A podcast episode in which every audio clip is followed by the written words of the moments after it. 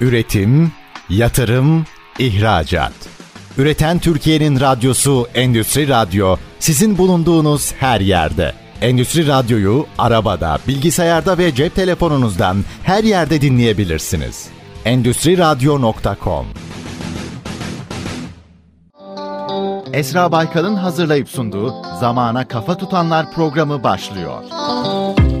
Sevgili Endüstri Radyo dinleyicileri, nasılsınız? Güzel bir salı sabahında değerli konukları ağırladığımız programımızla sizlere eşlik edelim istiyoruz. Bundan önceki yayınlarımızı kaçırdıysanız üzülmeyin. Endüstri Radyo web sitesinden her zaman eski yayınları dinleyebilir. esratrebaykal.com'dan da pazarlama ve iletişimle ilgili pek çok makaleme ve özel içeriklere ulaşabilirsiniz. Efendim pandemiyle birlikte yerel üreticilerin önemi daha da arttı. Teknolojinin hayatımızda daha aktif olması, Türkiye'nin her yerinden üreticilere ulaşma imkanı sunması aslında elimizi çok rahatlattı. Ama bu işin bir de sürdürülebilirlik ve değer yaratma tarafı var. Gelin bu hafta bunu konuşalım. Ülkemizin her yöresinin farklı damak zevkleri kadar ürettikleri değerli gıdalar da var. Ve bu gıdaların doğru bir markalaşma stratejisiyle hem Türk tüketicisine hem de dünyaya ulaştırılması için stratejik adımlar atılması gerekiyor.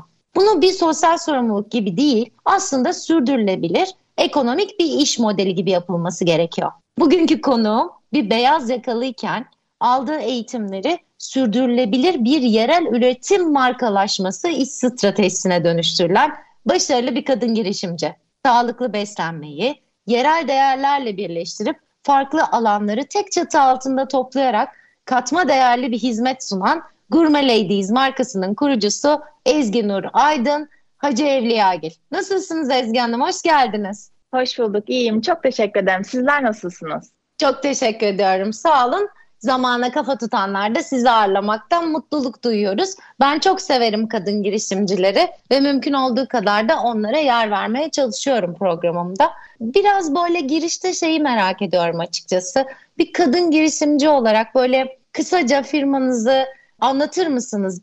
Şey kendinizi anlatır mısınız firma detaylarına girmeden? Önce bir sizi tanıyalım istiyorum. Sonra girişiminizi konuşacağız zaten. Yani aslında merak ettiğim şey bu yolculuğa nasıl girdiğiniz? Tabii. Ben 30 yaşında genç bir girişimciyim. E, lisans eğitimimi halkla ilişkiler bölümünde tamamladım. Halkla ilişkiler, iletişimciyim aslen. Hemen sonrasında kozmetik sektöründe pazarlama alanında çalışmaya başladım. İlk kurumsal iş tecrübem sonrasında aile şirketinin sigorta sektörü üzerine. Orada bir babamla ufak bir çalışma deneyimim oldu. Bu sırada da yüksek lisansa başvurdum elektronik ticaret üzerine. Burada yüksek lisansımı yaparken yeniden kozmetik sektörüne geri döndüm. Burada da marka departmanında çalıştım. Aslında benim hayatımı yüksek lisans eğitimim sırasında aldığım bir girişimcilik dersi değiştirdi. Çünkü aklımda hiç kendi işimi kurmak gibi bir fikir yoktu. Ee, ama bu ders sayesinde dersin çok büyük bir hani etkisi oldu hocalarımın da. Bununla birlikte kendi yolculuğum bu şekilde başladı. Peki bu yolculuk sırasında sizi böyle heyecanlandıran ne vardı? Yani ben neden bir girişimci olmalıyım diye düşünmeye başladınız? Ben biraz daha özgür olmayı seven ve yaratıcılığına da güvenen bir insanım. Aslında çalıştığım taraf da yani kozmetik sektörüydü ve çok renkli, çok eğlenceli bir sektördü. Yine burada da bir girişimde çalıştım zaten. Çok keyif alıyordum aslında yaptığım işten ama o özgür ruhum bir şekilde bana hani kendim oyunu kendim kurabileceğim, yazıp çizebileceğim bir yöne doğru kaydırdı. Girişimcilikte bunu yapabileceğimi gördüm. E, bu şekilde de aslında deli cesaretiyle de belki e, bu işe girdim. Aslında çok güzel bir şey deli cesareti biliyor musunuz? Benim girişimci kadınlarda eksik olduğunu gördüğüm şey o. Ee, geçen gün Arya'da da konuşuyorduk. Biz o kadar çok düşünüyoruz ki erkeklerden farklı olarak detayların içinde kayboluyoruz ve aslında kadınlar olarak tam olarak kendimizden emin olmadan bir şeye girişemediğimiz için bazen geç de kalıyoruz. O cesareti bulup ya tamam ya hallederim diyebilmek bence çok kıymetli bir şey. Aynen öyle. Buna kesinlikle katılıyorum. Şimdi ben girişimcilerle bugüne kadar çok konuştum da genellikle şeyi görüyorum. Böyle nereden başlayacaklarını bilmiyorlar. Bazıları da diyor ki ya dur kervan yolda düzülür. Hani bakarız diyorlar. Şimdi siz bu işe başlayalı da biraz zaman oldu sonuçta. Bugünkü deneyiminizle şöyle bir geriye dönüp düşünürseniz neyi farklı yapardınız Ezgi Hanım?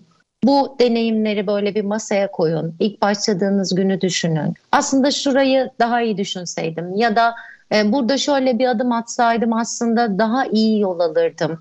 Ya da kendimde bu eksik vardı. Keşke o gün tamamlasaydım dediğiniz böyle neler var farklı?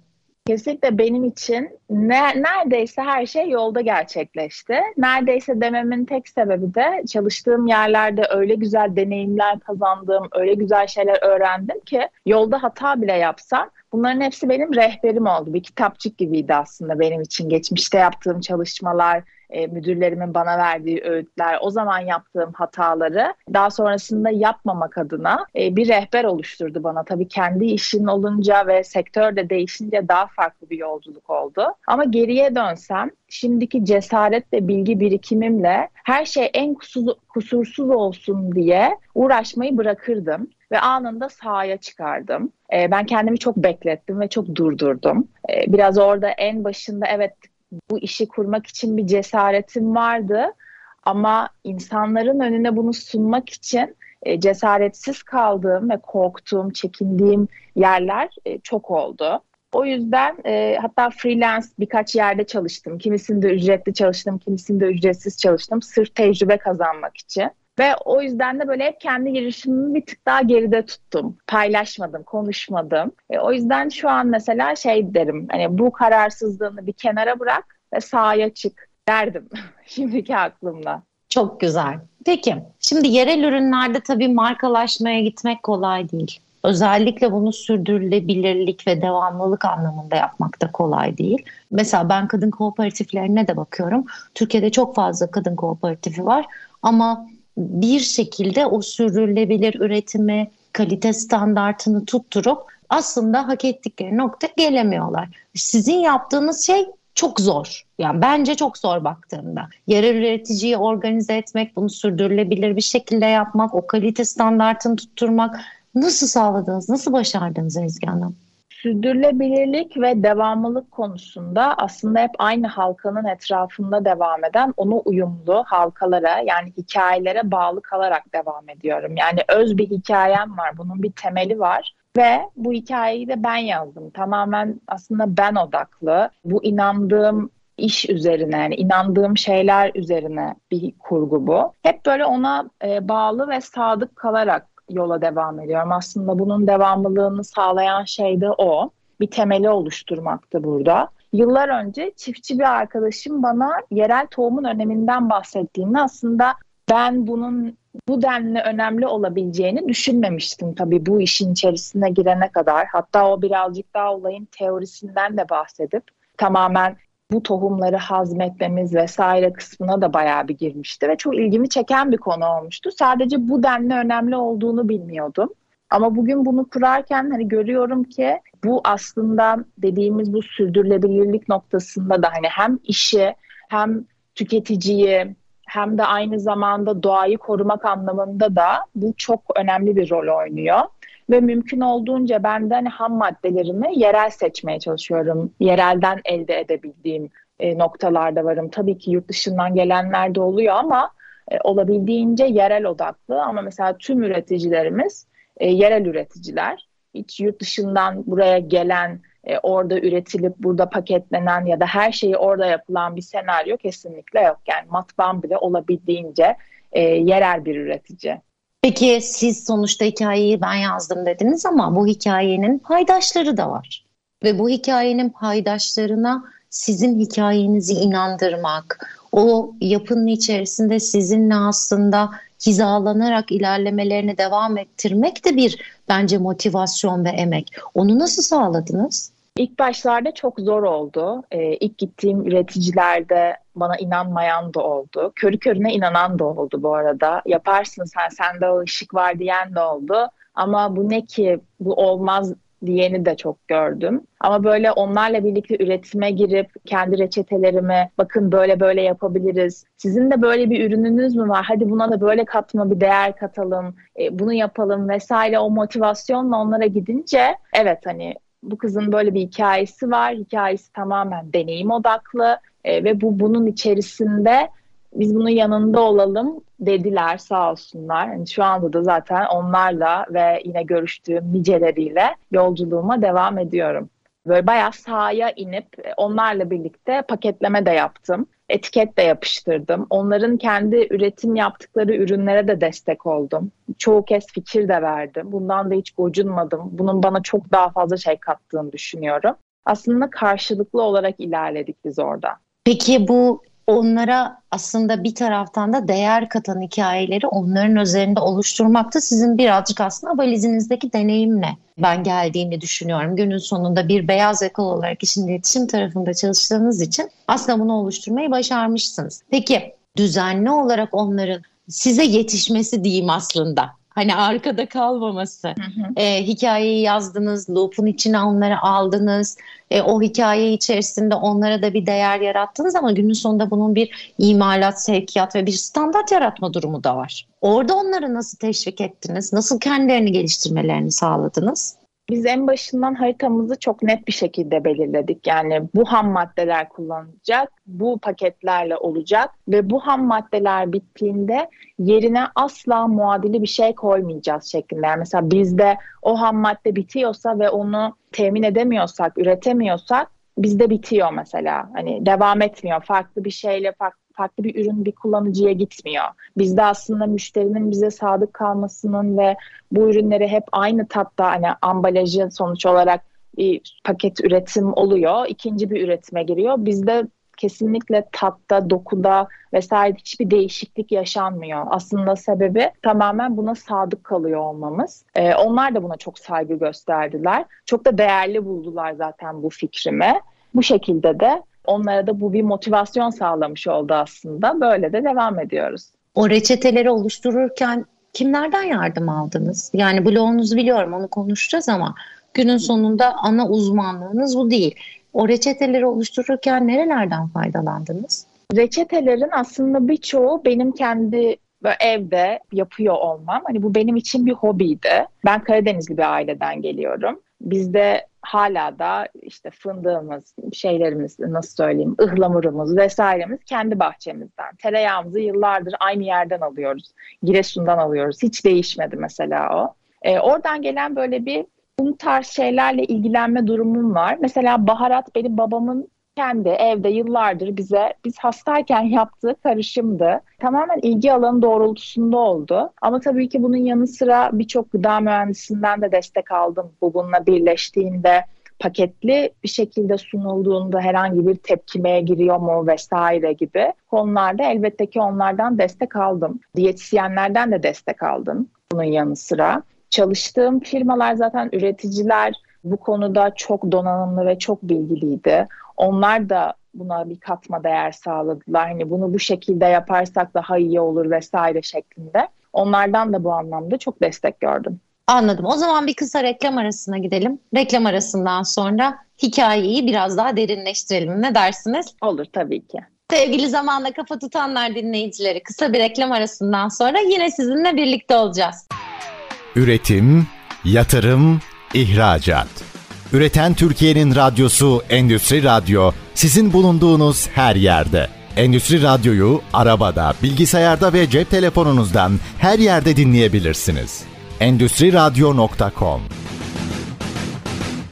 Sevgili zamana kafa tutanlar dinleyicileri, programımızın ikinci bölümünde Ezgi Aydın'la sohbetimize devam ediyoruz. Ezgi Hanım Gourmet Ladies markasının kurucusu pandemi döneminde başlamıştı ve yerel üreticileri bir araya getirerek sürdürülebilir bir aslında gıda ekosistemi kurmuş. Şimdi birazcık daha ben devam etmek istiyorum bu işin hikayesinden. Çünkü 2015'te paylaşarak büyümek mottosuyla aslında siz bir blok açıyorsunuz. Bir akademik kariyeriniz var, eğitimler alıyorsunuz ve lokal noktalardan edindiğiniz deneyimle ev tüketimi odaklı üretime çevireceğim ben bunu diyorsunuz. Şimdi marka stratejinizi lokalleşme üzerinden kuruyorsunuz ve aslında lokalleşme bugün hemen her alanda önümüze çıkıyor. Pandeminin e, bize en büyük etkisi şu olmuştu. Siz de biliyorsunuz normalde tüketici araştırmalarında en güvendiğiniz markalar kimler sorusunda daha çok global markalar çıkardı. Ama pandemiyle birlikte bir anda o data %60 oranında yerel üreticilere güveniyorum'a dönmeye başladı. E, bu lokalleşmenin gidişatı önümüzdeki birkaç yıl içinde lokalden doğan markaların gidişatı konusunda siz neler düşünüyorsunuz? Nasıl bir dünya bekliyor bize Ezgi Hanım? Ben yola çıkarken lokal kelimesi aslında bu denli popüler ve yaygın değildi. Şimdi birçok markanın adında ya da sloganında e, bunu sıklıkla görüyoruz ve bu beni inanılmaz sevindiriyor. Ben ilk bu yola çıkarken bir araştırma firmasıyla bir araya gelmiştim ve onlar bana pandemi öncesiydi hatta 2019 yılıydı çok iyi hatırlıyorum. Otururken demişlerdi ki hani bu lokallik nereden aklınıza geldi? Çünkü bu bir trende dönecek ve bunu araştırdınız mı? Bir firmayla mı çalıştınız vesaire gibi söylediklerinde onlara evet bu blog hesabından bahsetmiştim. Ben bu blog hesabını 2015 yılında kız arkadaşlarımla birlikte kurdum. Onlar daha sonrasında yolculuklarına avukat olarak devam ettiler ve hesabı ben devraldım ama o süreçte çok fazla hem yurt dışında hem de yurt içinde birçok üreticiyle tanıştım. Hani ülkemizde neler yapıldığını tabii görme fırsatı oldu. Lokal üretim odaklı bir yol izliyorum tabii ki ben burada bu süreç ardında. Bu nedenle de ben de bu yolculukta lokal üretim odaklı bir yol izliyorum aslında hemen kendim tek bir ürün bile olsa bunu kendim üretebilirdim. Bu yola böyle çıkabilirdim. Hani ben üretim yapayım sonuçta. Bu da lokal bir üretim yolculuğu. Ama ben o üreticilere de bir değer katmak istedim. Onlarla birlikte çalıştığım, ilk başta çok fazla paylaşım yaptığım için. Çünkü onlardan çok fazla şey öğrendim. Bu bilgi alışverişi, deneyim, iletişim yani bunun da ne derseniz deyin ürünlerdeki tüm böyle özeni oluşturan temel taşlar haline döndü. E, o yüzden bu lokalleşme noktasındaki bu hareketi ben çok keyifli ve çok doğru bir yolculuk olarak görüyorum. Hiç globalde baktınız mı böyle markalara? Onlar da yerelden büyümüşler. Söylediniz bir birazcık daha araştırdım demiştiniz biraz önce ama mesela onların yolculukları nasıl? Onlar nerelere gelmişler acaba? Ve bu işin önümüzdeki birkaç yıl içerisinde özellikle nereye evrileceğini öngörüyorsunuz? Mesela şöyle geçtiğimiz aylarda bir yurt dışı seyahatim oldu. Burada buna dair bir yine kadın girişimcinin bir kozmetik markasıyla tanıştım. Ve bu kozmetik markası Fransa'da kendi ürettiği ürünler üzerinden yola çıkıyor. Ham maddelerini yine etrafta köylerde bulunan insanlardan alıyor. Çok keyifli bir yolculuk. Bunu okuduğumda çok etkilenmiştim ve rafta da onun ürünlerini çok global bir pazarda ülkemizde de olan bir perakende zincirinde de gördüğüm için çok ilgimi çekmişti hikayesi. Tamamen yerel üreticilerden aldığı ürünleri evde aslında yapıp önce etrafına, etrafındaki insanlara deneyimletip onlara satarak başlayan yolculuğu şu anda dünyanın birçok noktasında dediğim gibi çok global bir zincir olan bir kozmetik firmasında satışı devam ediyor. Böyle çıkan e, lokal noktalardan bu şekilde çıkan markalar da var. Bunlar da keyifli bir ilham veriyor. Ben de gözlemliyorum. Ee, özellikle kadın girişimciler mesela girişimci ekosistemine baktığımızda işte Türkiye'de aslında çok yüksek bir kadın girişimci ekosistemi yok ve e, bak %14 civarında kadın girişimciler. Patent anlamında çok yüksek kadın girişim patentleri ama işin aksiyona dönme kısmı biraz yavaş. Ve, ve bunları analiz ettiğimizde de daha çok gıda ve e, anne çocuk ürünleri üzerine gittiğini görüyoruz. Ve kadın girişimcilerinde çoğunlukla gıda üzerinden dediğiniz gibi kendi ürettikleri çevreyi organize ederek bir sistem kurmaya çalıştıkları bir yapıyı görüyorum ve aslında bundan da çok mutlu oluyorum. Çünkü ben her zaman şunu söylüyordum. Bir ülkenin değerini doğru paketleyip dışarıya sunmak aslında ülkenin tanıtımına da bence çok büyük bir fayda. Çünkü evet. bugün baktığımızda İtalya'nın zeytinyağı, işte İspanya'nın mandalinası, portakalı, kralı var bizde. Hani biz sadece bunu güzel bir şekilde paketleyip aslında yurt dışına aksesini sağlayamıyoruz. Bence bu Aynen girişimlerin öyle. birazcık da bence Kültür Bakanlığı, Turizm Bakanlığı tarafından da desteklenmesi gerektiğini düşünüyorum. Mesela buradan bir soru sorayım size. Şu anda aklıma geldi. Siz bu girişiminizi yaparken herhangi bir hibe programından faydalandınız mı? Kamudan bir destek aldınız mı? Sizin alanınızda üretim yapan girişimci kadınlar için faydalanabilecekleri teşvikler var mı? Hani böyle bir bilmiyorum bir tarama yaptınız mı? Bu konuda bize bir bilgi verebilir misiniz? Evet ben yolculuğuma e, COSGAP Kadın Girişimci desteği alarak başladım. Öncelikle bunun eğitimini aldım. Çok da tesadüfen karşıma çıkmış olan bir programdı. O yaz bunun eğitimini alıp daha sonrasında nasıl şekillendirebilirim konusunda da bana inanılmaz bir destek sağladılar. Daha sonrasında sundum ve e, orada kadın girişim desteğini alarak aslında bu sürece başladım. Üç yıllık bir birlikteliğimiz oldu. Belki sistem şimdi değişmiştir. Bizim zamanımızda öyleydi. O destek belki de olmasaydı bugün olmayacaktı Gurme Ladies. Çünkü o da çok ayrı bir değer katıyor bence girişime. E, o yüzden mutlaka kadın girişimcilerin ya da herhangi bir şekilde girişimcilik yolculuğuna çıkmak isteyen her kimsenin e, bu devlet desteklerine, bu teşviklere, bu eğitimlere mutlaka bakması gerektiğini düşünüyorum ben. Bunu öneriyorum. Zaten tüm bu şekilde girişim yapmak isteyen bizim kadın üreticilerimiz de oluyor. Onlara da hep aynısını söylüyorum. Buna baktınız mı bakın vesaire diye link atıyorum hepsine. Sizin ürün portföyünüzde gıda dışında farklı ürünler de var mı? Evet var. Ee, bu yıl yani 2022 yılında kozmetik alanı ve ev tekstili alanı da eklendi. Bunlarla birlikte de devam ediyoruz. Aa, e-tekstil çok ilginçmiş. E-tekstilini lokalden büyütmek çok değişik bir şey. Nasıl yapıyorsunuz bunu? Yani o, o oraya nasıl girdiniz? Çok heyecanlandırdı şimdi beni. Oraya şöyle oldu. Aslında eşim e, dikiş makinesi ithalatı yapıyor. Oradan da çıktı hani tekstil tarafına olan ilgi. Çok yakın bir arkadaşım da Denizli'de e, havlu, kumaş vesaire üreticisi olunca o tarafı da böyle bilince kumaşlarımız işte Denizli'den geliyor. Ham şekilde çıkıyor oradan. Hani ben orada karbon ayak izine de olabildiğince dikkat ediyorum çünkü. Daha sonrasında buraya geliyor. Burada üzerine nakış yapılıyor çeşitli tasarımlarla e, devam ediyoruz. Hani yurt dışında gördüğümüz şeyler bizim ülkemizde dediğiniz gibi hani alası var neden olmasın şeklinde oradan gelen ilhamla bize modifiyeyle bizim ürünlerimizle bizden üretilen şeylerle öyle masa örtülerimiz, bardak altlıklarımız çıktı. Yine mutfak tekstili konusunda da sürdürülebilirlik alanında da bunu da mesela annem yapıyor. Kumaş filtrelerimiz, çay kesemiz, e, vegan süt yapma kesemiz vesaire var. Çok eğlenceliymiş. Çok güzelmiş. Çok sevdim ben bunu. Peki e, yurt dışı işi. Şimdi siz yurt dışında bir şeyler yapıyor musunuz? Bir yerlerde görecek miyiz sizi? Bu kadar güzel bir yapılanmanın bence bir yurt dışı ayağı da planlanmıştır. Siz çok planlı ve stratejik gidiyorsunuz gördüğüm kadarıyla. Siz görecek miyiz yurt dışında? Evet, 2022 yılının son çeyreğini biz bu anlamda çok verimli geçirdik. Çok da güzel e, başlangıçlara hani o zaman yelken açtık diyeyim. Henüz imza atmadık buna ama e, şunu söyleyebilirim. Amerika ve tüm Avrupa pazarında yine lider bir satış platformuyla e, girişimizi yapıyoruz tüm ürünlerimizle birlikte. Hem gıda hem ev tekstili hem de kozmetik ürünlerimizle birlikte bizi global pazarda bayağı bir yerde göreceksiniz 2023 yılında. Bu da inanılmaz bir gurur veriyor ve heyecan veriyor tabii ki. Bu yüzden de çok mutluyum yereldeki pazar yerlerinde de varsınız sanırım ve orada da bir başarı hikayesi duymuştum ben.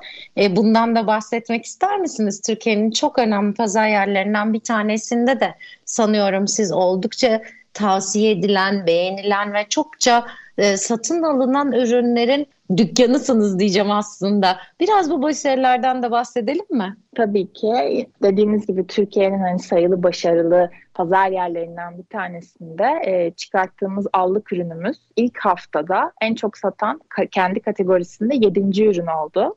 Bunun yanı sıra bütün ürünlerimiz aslında yine en çok satanlar listelerinde hep ilk 50'de yer alıyor. Bu da tabii ki çok büyük bir gurur veriyor. Müşterilerin bu ilgisi, e, bizimle iletişime geçip hani verdikleri geri dönüşler vesaireler hani aslında ürünü geliştirme anlamında da bize çok büyük bir katkı sağlıyorlar.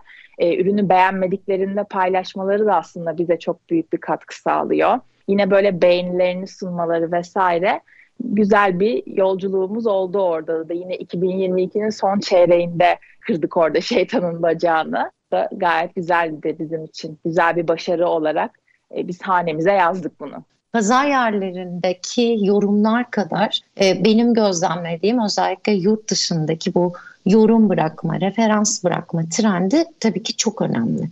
Çünkü artık hiçbirimizin global anlamda söylüyorum sadece Türkiye'de bir ekonomik kriz yok, dünyada var. Dolayısıyla hiçbirimizin bilmediğimiz bir markaya ayıracak bütçesi de yok. Dolayısıyla burada referans sistemleri çok ön plana çıkıyor. Sadece pazar yerlerinde girip yorumlar ve verilen yıldızlar üzerinden yaptığımız seçimlerden ayrı markaların kendi siteleri, kendi satış siteleri ya da web siteleri içerisinde de bu yorumlara yer vermeye başladıklarını ve bunun hem SEO çalışmalarında hem de aslında tercih noktasında kıymetli olmaya başladığını görüyoruz. Siz de böyle bir uygulama yapıyor musunuz? Evet biz olabildiğince müşterilerimizle birebir iletişime geçmeye çalışıyoruz. Her aylık yaptığımız mailler var, e, telefon konuşmaları var tabii ki. Bu izinler kapsamında gerçekleşiyor bunlar. Aynı zamanda yine kanaat önderleriyle de çalışıyoruz. Onların kendi takipçilerine yap, yani takipçilerinden gelen yorumları da değerlendiriyoruz burada. Onların geri dönüşleri de bizim için çok önemli. Oraya yapılan herhangi bir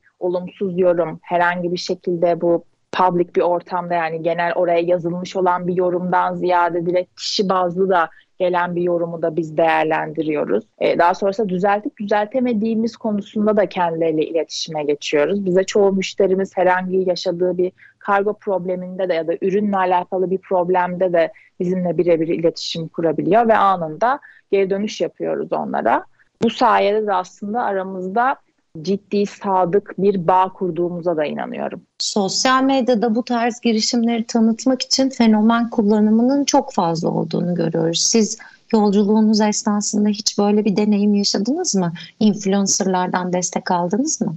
Evet aldık. Ee, özellikle bu allıkta çok büyük bir etkisi olduğunu söyleyebilirim. Yine yazın çıkardığımız bronzlaştırıcı bir doğal yağımız vardı. O da mesela benim annemin yıllardır aktarda yaptığı bir tarifti. Ben sadece ona küçük dokunuşlar ekledim tabii ki kimya mühendislerimizle birlikte. Onlarla birlikte bunu geliştirdik. E, buralarda influencer çalışmalarımız oldu. Tabii ki onların önerileri, satış yönlendirmeleri bunların hepsinin çok büyük bir katkısı oldu. Kesinlikle influencer marketingi de bu alanda göz ardı edemeyiz. Yani özellikle girişimciler tarafında Evet global markalar çok farklı bütçeler özelinde de çalışıyorlar. Ama özellikle girişimciler anlamında onların da bu alana katkı sağlıyor olmaları, destek veriyor olmaları e, çok ama çok kıymetli. E, dediğiniz gibi burada bir markanın tanınması vesaire çok önemli, çok değerli. Onlar da çok güzel bir şekilde temsil ediyorlar ürünü beğendikleri sürece. Peki yine bir reklam arasına gidelim. Ondan sonra sohbetimize devam edelim. Sevgili zamanda kafa tutanlar dinleyicileri. Kısa bir reklam arasından sonra yine sizlerle birlikte olacağız. Bizi dinlemeye devam edin. Üretim, yatırım, ihracat. Üreten Türkiye'nin radyosu Endüstri Radyo sizin bulunduğunuz her yerde. Endüstri Radyo'yu arabada, bilgisayarda ve cep telefonunuzdan her yerde dinleyebilirsiniz. Endüstri Radyo.com Sevgili zamana kafa tutanlar dinleyicileri programımızın son bölümünde Gurme Ladies'in kurucusu Ezgi Hanım'la sohbetimize devam ediyoruz. Peki Ezgi Hanım ben e, sizin ambalajlarınıza bayılıyorum. Yani o kadar çok seviyorum ki ambalaj tasarımlarınızı ve benim işim gereği de tasarım çok kıymetli bir şey benim için ve yurt dışına da gittiğimde özellikle ambalaj bakarak vaktimi geçiriyorum. Ambalajlar, kavanozlar ve bu oldukça kıymetli. Şimdi sizin ambalajlarınızda da e, hem kavanozlarınız hem esnek ambalajlarınız çok ciddi fark yaratmış durumda. Buradaki stratejiniz ne? Bunları nasıl hazırlıyorsunuz? Bir tasarım ekibinden destek alıyor musunuz? Onlara nasıl bir brief verdiniz de bu kadar tatlı bir dünya ortaya çıktı? O stratejiyi de duymak istiyorum açıkçası. Tabii ben de sizin gibi her seyahatimde e, gördüğüm tüm ambalajları toplayan, toplayamasa da fotoğrafını çeken bir insanım. Bunların hepsiyle bayağı ilgiliyim. E, yıllardır bu böyle. Zaten böyle kırtasiyelik şeylere falan da inanılmaz ilgi duyuyorum çocukluğumdan beri. Ben aslında burada ambalajlarda bir hikaye anlatsın dedim. Tabii iletişimci olmamın verdiği hani bir iş tecrübesi de var burada. Hani çok doğru brief verme vesaire konusunda. Ülkemizde hani bu anlamda yeni yeni gelişiyor ambalaj konusunda. Bunların tasarımları, işte renkleri, anlattıkları gibi. Dediğim gibi bu alana çok ekstra önem veriyorum. Bir de biz online satış yapıyoruz. Yani aslında önce göze hitap etmemiz gerekiyor göze hitap ettiği için de şimdi içindeki tadı her ne kadar mükemmel olursa olsun onu almadan, tatmadan bilemeyecek ya da işte kozmetikte sürmeden bilemeyecek. Ama ambalajın bir şey anlatması gerekiyor. Bizde her bir ürün içer, içeriklerini, içerdiği ürünün bir hikayesini anlatıyor. En azından bir nüans, bir şey var içerisinde. Metaforlara da sahip hatta tasarımlar. Bu anlamda bir kişiyle birlikte çalışıyorum. O da freelance, e, bir kadın girişimci o da. Orada ona da dikkat ediyorum. Onunla birlikte çok güzel bir enerji tutturduk. Birlikte yolculuğumuza devam ediyoruz. Ben dediğim gibi bazen ürünleri direkt ona verip blind yani kör test de yaptırıyorum. Onlara inceliyor, deniyor, tadıyor, ne olduğunu kendi bulmaya çalışıyor. Daha sonrasında içerikleri ve bunun nereden çıktığını anlatıyorum. O kendi yaratıcılığını katıyor içerisinde tabii sanatçılığını katıyor. Ben bilgi birikimimi katıyorum ve bu şekilde paketler oluşuyor. Ben de bu yüzden çok mutluyum. Hep yurt dışında gördüğümüz paketleri. Şimdi yavaş yavaş kendi ülkemizde de görüyoruz. E, bunların öncülerinden birisi olduğumu da düşünüyorum. Hatta birçok yine böyle yeni girişime ilham olduğunu da düşünüyorum bizim ambalajlarımızın. Çünkü bu tarz geri dönüşler de geliyor bize. E, çoğu kez mağazamıza da gelip bunları soran da oluyor. Tasarımcımızın bilgisini isteyen de oluyor. Ben seve seve paylaşıyorum. Neden olmasın? Çünkü pasta çok büyük. Çok güzel işler çıkartalım ülkece. E, bu şekilde de tasarımlarımız ortaya çıkıyor ve güzel gözüküyor hepsi. Ben de çok seviyorum. Böyle bir tablo gibi bakıyorum hepsine. Siz şimdi ürün gamınızı biraz önce de bahsettiniz. Çok ciddi anlamda genişletmiş durumdasınız. Peki bu genişletme sürecinde bir analiz yapıyor musunuz? Nasıl seçiyorsunuz? Yani ben şimdi buna gireyim, şimdi şuna gireyim ya da bunu seçerken, yeni ürünleri seçerken bir araştırma, bir yöntem var mı izlediğiniz? Tabii trendleri çok fazla takip ediyorum. Yani o anda genel olarak insanların ihtiyaçları ne, benim ihtiyacım ne? Mesela ben neyi kullanırım, neyin arkasında durabilirim? Kiminle iletişime geçebilirim bu ürünü üretmek için şeklinde çok fazla araştırmam oluyor. Keza üreticilerden de geliyor Ezgi Hanım böyle böyle bir ham madde bulduk, böyle bir şey işliyoruz. Bu sizin markanız için uygun mu değil mi, deneyelim mi, numune çalışalım mı şeklinde. Oradan da e, buna dair çok fazla şey geliyor. Çünkü benim için tabii şey de çok önemli. Buna karşı bir ilgi duyuyor olmam da çok önemli. Kendimle özdeşleşen bir marka yapım var sonuçta. Bunun arkasında duramazsam bunu anlatamam. Dediğim gibi o hikayeyi de oraya veremem olabildiğince kendi markasında durabildiğim, trendleri takip ettiğim, her tabii önüme gelen şeyi de yapmıyorum, yapmamaya gayret ediyorum. Olabildiğince kendimi de frenliyorum. Neyi yapabiliriz, neyi yapamayız, ne daha faydalı olur. Bizde doğal içeriğin yanı sıra tabii bir ürünün fayda da sağlıyor olması gerekiyor. Rastgele bir şey seçmiyoruz orada. Bu şekilde belirleniyor aslında ürün gamının genişlemesi de. Şimdi kozmetik alanında doğal ve temiz içerikli ürünlere girdiniz. Bir taraftan banyo mutfak ürünleri planlıyorsunuz diye biliyorum. Şimdi bu her ikisi de aslında lokalden üretim anlamında banyo ve mutfağı kenara koyuyorum. Doğal içerikli kozmetik alanında yerel üreticiler çok çoğalmaya başladı. Ve ciddi de bir rekabet var burada. Hani özellikle kadın girişimciler tarafında ben de takip ediyorum. Böyle işte eczacı olan, ailesinde eczacı olan, kozmetik tarafına giren bir sürü kadın girişimci var. Şimdi bu kadar agresif bir rekabetin içerisinde e, bir taraftan baktığımda kozmetik tarafında global markalar da var. Siz nasıl bir rekabet stratejisi planladınız kendiniz için ve bu rekabetin içerisinde ayrışmak için ne gibi yöntemler kurguluyorsunuz onu merak ettim. Kozmetik de aslında gıdadaki gibi rekabet alanı çok yüksek dediğimiz gibi. Biz yine burada tasarıma, doğal içeriğimize güvenerek bunu yaptık. Yine dediğim gibi oradaki hikaye anlatımı çok önemli bizde. Birbirine benzer ambalajda ya da birbirine benzer tasarımda ürünler yapmaktan ziyade yine bizi biz gibi yansıtan tasarımlara dikkat ediyoruz burada. Dediğim gibi online'da sattığımız için biz öncelikle kişiler bizi deneyemiyor ve o ambalajla birlikte alıyorlar ve onların pişman olmaması adına da ürün içeriğini olabildiğince temiz ve titizlikle yapıyoruz.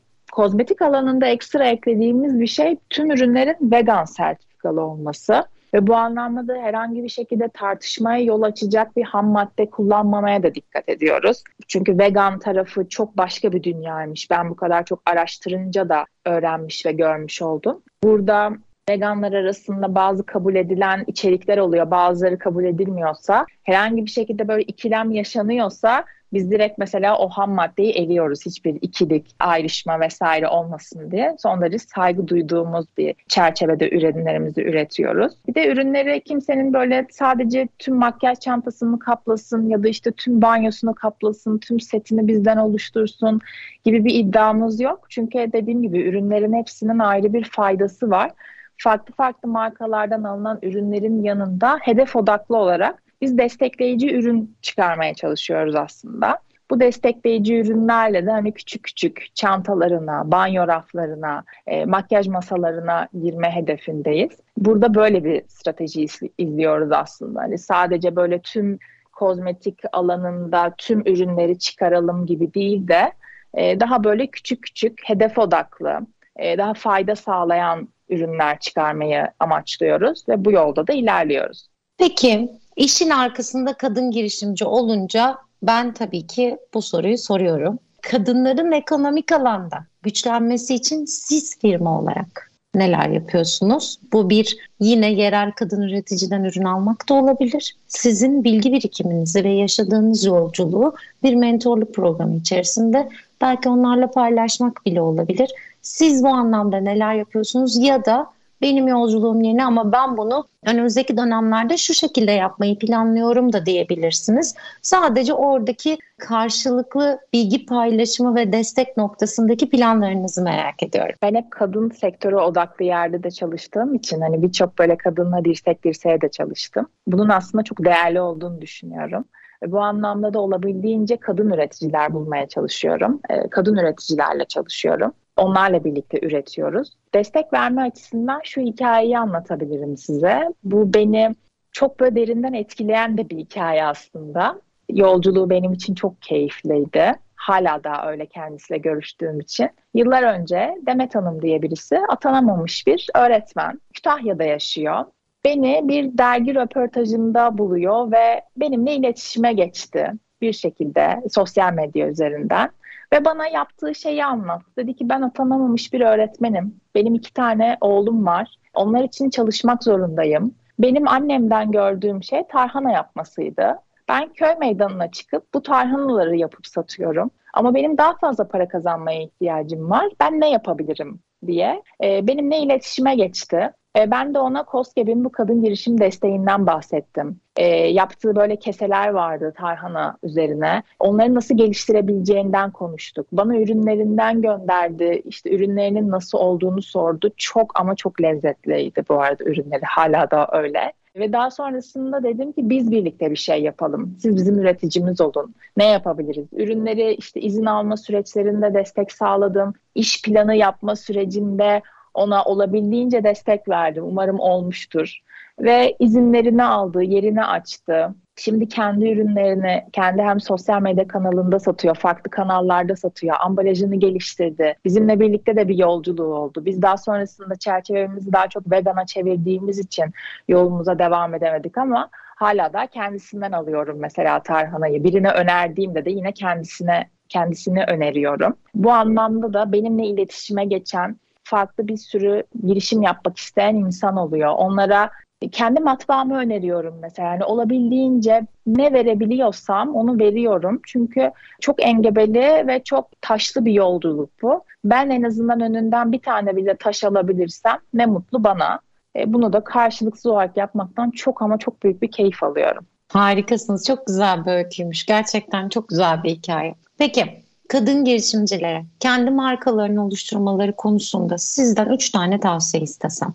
Kendi yolculuğunuzdan ilham alarak ne olurdu bu tavsiye? Bahsettiğim gibi mutlaka ve mutlaka destekleri incelesinler, teşvikleri vesaire. Ben dediğim gibi o olmasaydı belki bu yola çıkamazdım bile. Çünkü orada da bu yolculuk sırasında neler yapmam gerektiğini öğrendiğim birçok deneyim elde ettim. O yüzden destekleri incelemelerini öneririm. Planlı olmalarını öneririm. Girişimcilik her ne kadar çok böyle kervan yolda düzülür gibi olsa bile belirli hedefleri olsun. Bu hedefler doğrultusunda gerekirse küçük adımlarla ilerlesinler. Keza ben öyle yaptım. olabildiğince minimal hedefler koydum önce kendime. Sonrasında o hedefleri büyüttüm.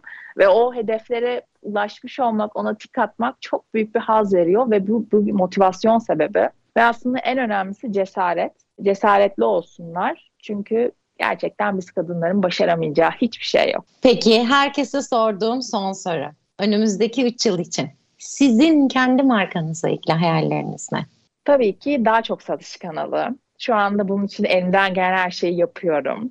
Biz daha çok deneyim odaklı işlere girmek istiyoruz. Şu anda da böyle görüştüğüm, konuştuğum birkaç yer var. Bizi yakından tanıyabilecek, bizle birlikte birçok deneyim elde edebileceksiniz. Bu alanda bir şeyler yapmayı düşünüyorum. Ve aslında 3 yıl hatta 5 yıla kalmaz bir deneyim köyü yapmak istiyorum ben. E, ben kamp odaklı büyüyen e, bir çocuktum aslında. Böyle bir gençlik de geçirdim. E, bunun ne kadar çok değerli olduğunu biliyorum. Aynı zamanda dediğim gibi Karadenizli'de olduğum için oradan gelen toprakla uğraşma ve bunu bilen de birisiyim. Yani hala da orada bir köyümüz var. Orada anneannem yaşıyor ve yanına da gidiyorum.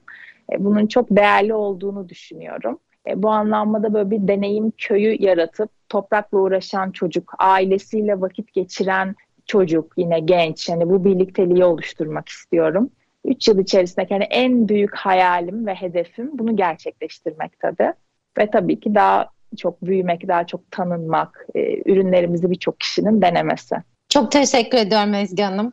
Gelip bizimle bu güzel ilham veren hikayenizi paylaştığınız için umarım dinleyen tüm girişimci ve girişimci olmak isteyen kadınlara da ilham verebilmişizdir. Teşekkür ediyorum zaman ayırdığınız için. Ben çok teşekkür ederim. Çok sağ olun. Sevgili zamanla kafa tutanlar dinleyicileri. Bir programın daha sonuna geldik. Önümüzdeki hafta yeni konu ve konuklarımla sizlerle birlikte olacağım. Görüşmek üzere efendim. Hoşçakalın.